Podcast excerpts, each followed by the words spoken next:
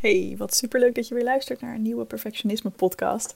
Mijn naam is Evelien Bijl, ik ben de Perfectionisme coach en ik coach heel graag hoogopgeleide mensen die last hebben van iets te streng zijn voor zichzelf om een relaxter en gelukkiger leven te leiden. En ik dacht, ik heb een keer een hele mooie blog geschreven over ben jij eigenlijk een perfectionist zonder het door te hebben? Dus eigenlijk over de misvattingen van perfectionisme. En ik dacht, waarom lees ik dat blog niet gewoon voor? Ik denk dat je er namelijk veel aan zou kunnen hebben. Zeker als jij het idee hebt van, ja, perfectionisme, ik weet het niet hoor. Ik herken sommige dingen er wel van, maar soms ook helemaal niet. Nou, dat is precies hoe ik me ook voelde. Dus luister gewoon lekker mee en bepaal dan voor jezelf hoe het zit. Alright, ben jij een perfectionist zonder het door te hebben? Het beeld dat veel mensen van perfectionisme hebben is totaal verkeerd. Ik kreeg laatst nog een video doorgestuurd met de titel When You Ask a Perfectionist to Do a Job. En in die video zag je allemaal OCD-achtig georganiseerde schappen van winkels. OCD staat voor Obsessive Compulsive Disorder. Alle, alles was perfect gesorteerd op kleur en vorm, geen foutje in zicht. Typisch iets wat perfectionisten zouden doen, toch? Nope. De meeste perfectionisten zijn niet zo duidelijk te herkennen van buitenaf. Mijn huis ziet er bijvoorbeeld al mijn hele leven vaak gezellig rommelig uit. Ik dacht zelf dan ook altijd dat wat er ook mis met me was, perfectionisme was het zeker niet. Nee zeg, hou op. Mijn leven was zo niet perfect dat ik me in dat woord totaal niet herkende. Volledig ten onrechte, zo ontdekte ik in het eerste jaar dat ik aan het werk ging. Ik bleek wel degelijk last te hebben van dit verschijnsel, maar het neemt veel geniepigere vormen aan dan het simpele je hebt alles op orde en je kunt niet tegen wanorde beeld dat we doorgaans hebben van perfectionisme. In deze podcast neem ik je mee in wat perfectionisme dan wel is en hoe jij bij jezelf te raden kunt gaan om te ontdekken of jij hier last van hebt of niet. Wat is het verschil tussen perfectionisme en het hebben van een hoge norm? Kijk, kwaliteit willen nastreven in je werk of in andere dingen die je doet, daar is helemaal niks mis mee. Het wordt pas een probleem wanneer je zo streng voor jezelf wordt dat je het niet meer goed genoeg vindt wat je doet en daardoor blokkeert. En dit kan over van alles gaan. Bij mij beperkte mijn perfectionisme zich bijvoorbeeld niet tot mijn werk, maar speelde het vooral op het gebied van mijn emoties.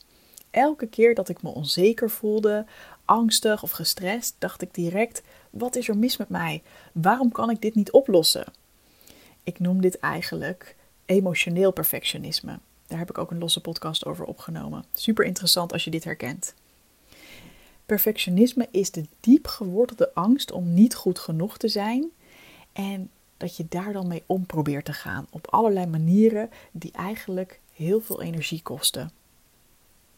Bij heel veel vrouwen bijvoorbeeld keert dit ook naar binnen. Ze hebben moeite om te accepteren hoe ze nu zijn, met hun flaws en all. En daardoor hebben ze altijd het idee dat ze iets moeten veranderen, iets te verbeteren hebben. Reuze uitputtend. Uh, noot van mij nu, nadat ik dit artikel heb geschreven, dit is alweer een tijdje terug. Uh, dit is ook absoluut het geval bij heel veel mannen. Dus het is niet alleen bij vrouwen zo. En zelfs wanneer je wel weet dat je last hebt van perfectionisme, dan ben je misschien wel een beetje bang om dit los te laten omdat je denkt dat je dan nooit meer je best voor iets zult doen en dat je nooit meer iets goed zult bereiken of zult maken. Maar ik heb goed nieuws, gelukkig is dat totaal niet aan de orde. Sterker nog, wanneer jouw zelfbeeld beter wordt en daarmee jouw perfectionisme dus kan gaan afnemen, dus die krampachtige patronen kunnen gaan afnemen, neemt doorgaans ook de kwaliteit van je werk en van je leven toe dit hangt vaak samen met het feit dat het al een stuk rustiger wordt in je hoofd. Je bent niet meer continu gefocust op wat voor sukkel je bent. En dus hou je tijd en ruimte over om daadwerkelijk goed te kunnen studeren of werken en om te genieten van het leven. Een cliënt van mij was ervan overtuigd dat ze niet goed genoeg was voor de studie die ze volgde. Ze zat avond na avond tot diep in de nacht door te werken, vanuit de overtuiging dat ze zich geen pauzes kon permitteren. Ze was immers niet slim genoeg om het allemaal aan te kunnen, dus moest ze voor haar gevoel werkelijk alle vrije tijd die ze had besteden aan haar studie. Ja, je kunt je misschien voorstellen hoe vermoeiend dat voor haar was. Elke avond bleef ze maar nieuwe informatie in haar hoofd stampen, terwijl ze eigenlijk al lang niks meer in zich opnam. En elke ochtend werd ze helemaal kapot weer wakker met een lijf dat duidelijk aangaf dat het rust nodig had, maar ze ging door.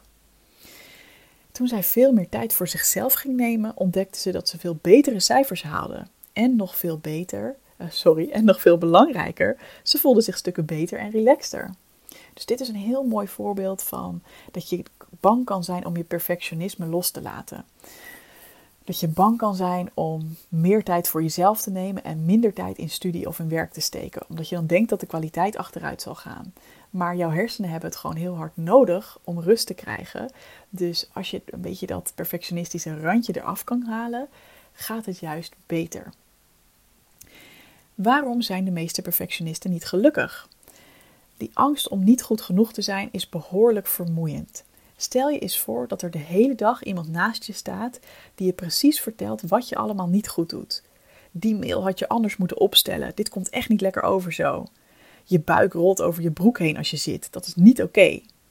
En hier gaan we in de dubbele bonus voor de shit spiral. Je weet toch dat je meer rust moet nemen? Nou, waarom doe je het dan niet? Je kunt je ook nooit eens aan de afspraken houden die je met jezelf gemaakt hebt. Je bent echt een loser. Klinkt het al vermoeiend in je oren? Ik noem deze stem de kritische rechter en het is een stem die we allemaal in ons hebben. Bij de meeste mensen is die ergens zacht op de achtergrond aanwezig en veroorzaakt die slechts op sommige momenten gedoe.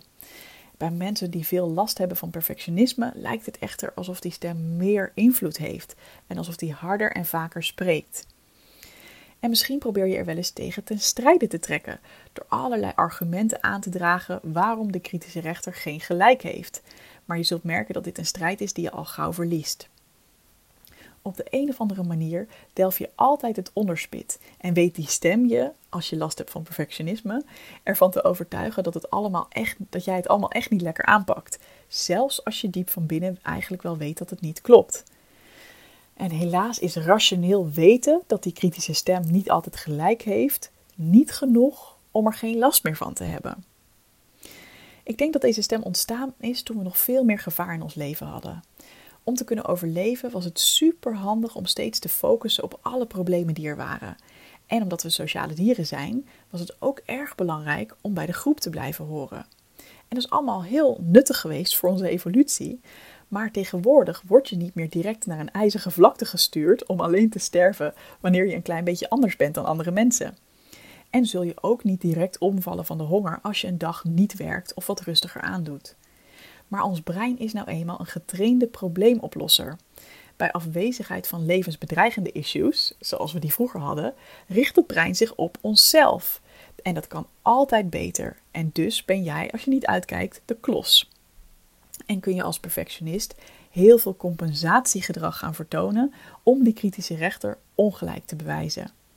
Iets wat ik bijvoorbeeld deed is keihard werken om maar te bewijzen dat je goed genoeg bent. Of juist uitstelgedrag gaan vertonen.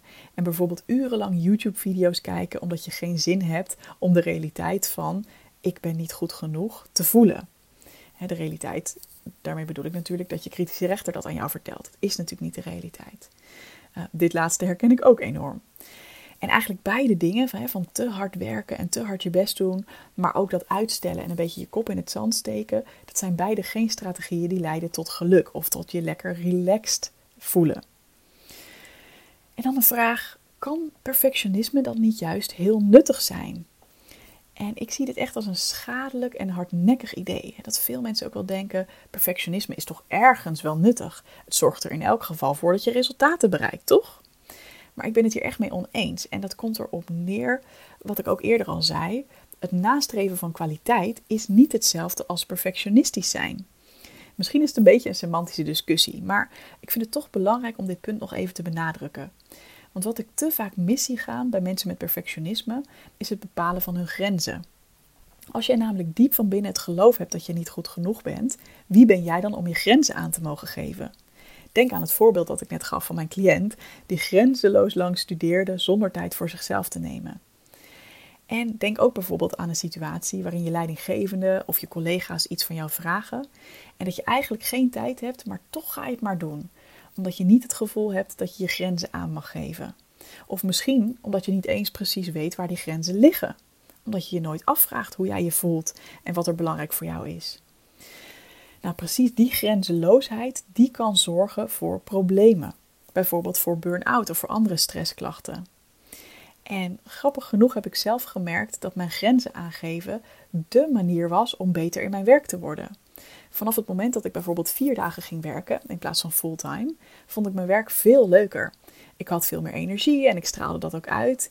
Ehm, en ik merkte ook echt dat andere mensen sneller bereid waren iets voor mij te doen, omdat ik niet vanuit een soort van kramp en een soort van ik zit altijd in een drukte situatie uh, dingen aan hen vroeg. Maar ik vroeg het vanuit een hele ontspannen plek. Hatseflat!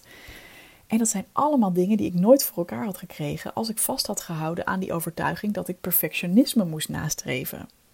Want ja, je best willen doen, dat is helemaal top en dat leidt inderdaad tot resultaat.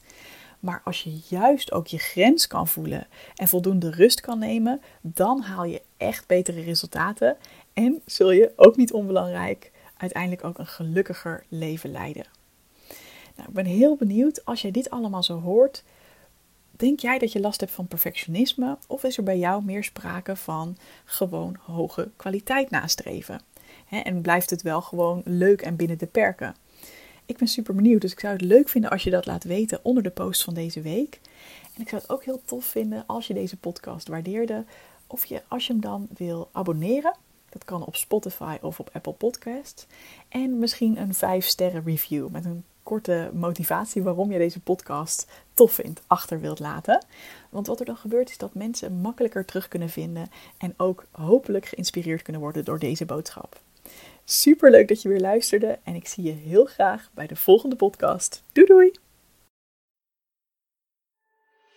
Hey, vond je deze podcast te gek?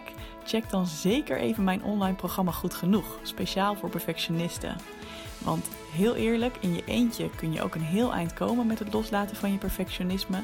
Maar als je meedoet aan dit programma, heb je alle tools in handen om veel sneller deze ontwikkeling door te maken. Ga naar doelgerichtecoaching.nl slash goed genoeg en wie weet zie ik je binnenkort.